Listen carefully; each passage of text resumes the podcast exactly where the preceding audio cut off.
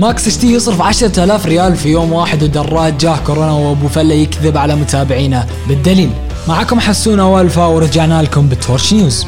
في البداية خلينا نبدأها بالغرب و the one and only MrBeast yep سوى مقطع مجنون ثاني. تقريبا كل مقاطع مجنونة وهذا extra سوى مقطع وهو ياكل آيسكريم سعره عشرة آلاف دولار.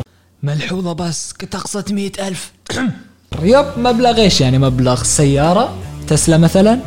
بيت 300 iPhone 12 Pro Max.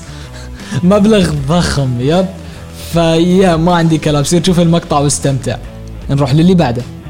ننتقل للي خبر اللي بعده واللي يتكلم عن ال YouTuber المتميز بشكل قوي وهو دراد yep أتوقع أغلبكم ما يعرفه لكنه YouTuber متميز وقوي وصاعد تقريبا عنده حوالي ال 400 ألف ف yep للي ما يعرف دراد فدراد YouTuber لبناني ينزل أخبار عن الألعاب وتحاليل وشرح.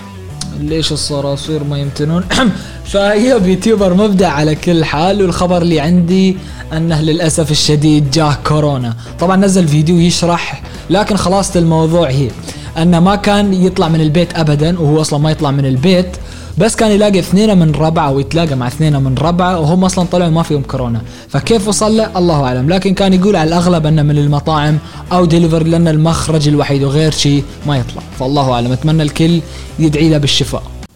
أبو فلة أبو فلة. طبعا كل من يتابع قناتي يعرفني إني أحب هذا الشخص بشكل كبير. لكن هذا مو معناته إنه ما يخطأ. فكل بني آدم خطاء وخير الخطائين التوابون.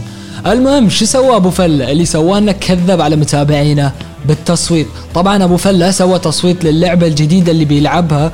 وأنا أعطيتكم خبر في المقطع اللي طاف إنه بيلعب Minecraft وأنا ما خرط صراحة لأن التصويت كانت لنصيب Minecraft.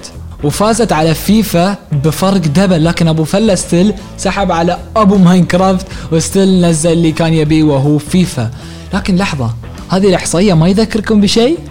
yep نسبة اللي مو مشتركين في القناة. يا أخي ترى يوصل لك آخر الأخبار وتقدر تشيل الاشتراك في أي وقت فيعني ما أعرف شو اللي قاعد يوقفك. المهم والله صراحة يعني أتمنى إنه ينزل Minecraft على الأقل لأني من محبين Minecraft ومن محبينه. صراحة مو بحلوة يعني من إنه سحب على Minecraft مع إن التصويت double ل Minecraft. فيا في كل حال أتمنى إن الله يوفقه إنسان أسطوري. ودامنا في طاري أبو فلة نعطيكم الخبر الثاني عن أبو فلة وهو مقابلة أبو فلة على MBC في برنامج صباح الخير. يا عرب أو شيء شي. وأول ما سمعت مقابلة تلفزيونية جتني فلاش باكات فكرت أوبلز وأغلب ال YouTuber اللي راحوا مقابلات وكيف تبهدلوا. لكن الحمد لله كل شيء تمام وحبيبنا ما تبهدل. الحمد لله. وآخر خبر عندنا عن ماكس HD والشيء المجنون اللي سواه. أخونا في الله صرف عشرة آلاف ريال بيوم واحد. yep رقم ضخم. وطبعا أكيد ما سواه عن عبث بس جي. لا سوى فكرة جديدة وحلوة.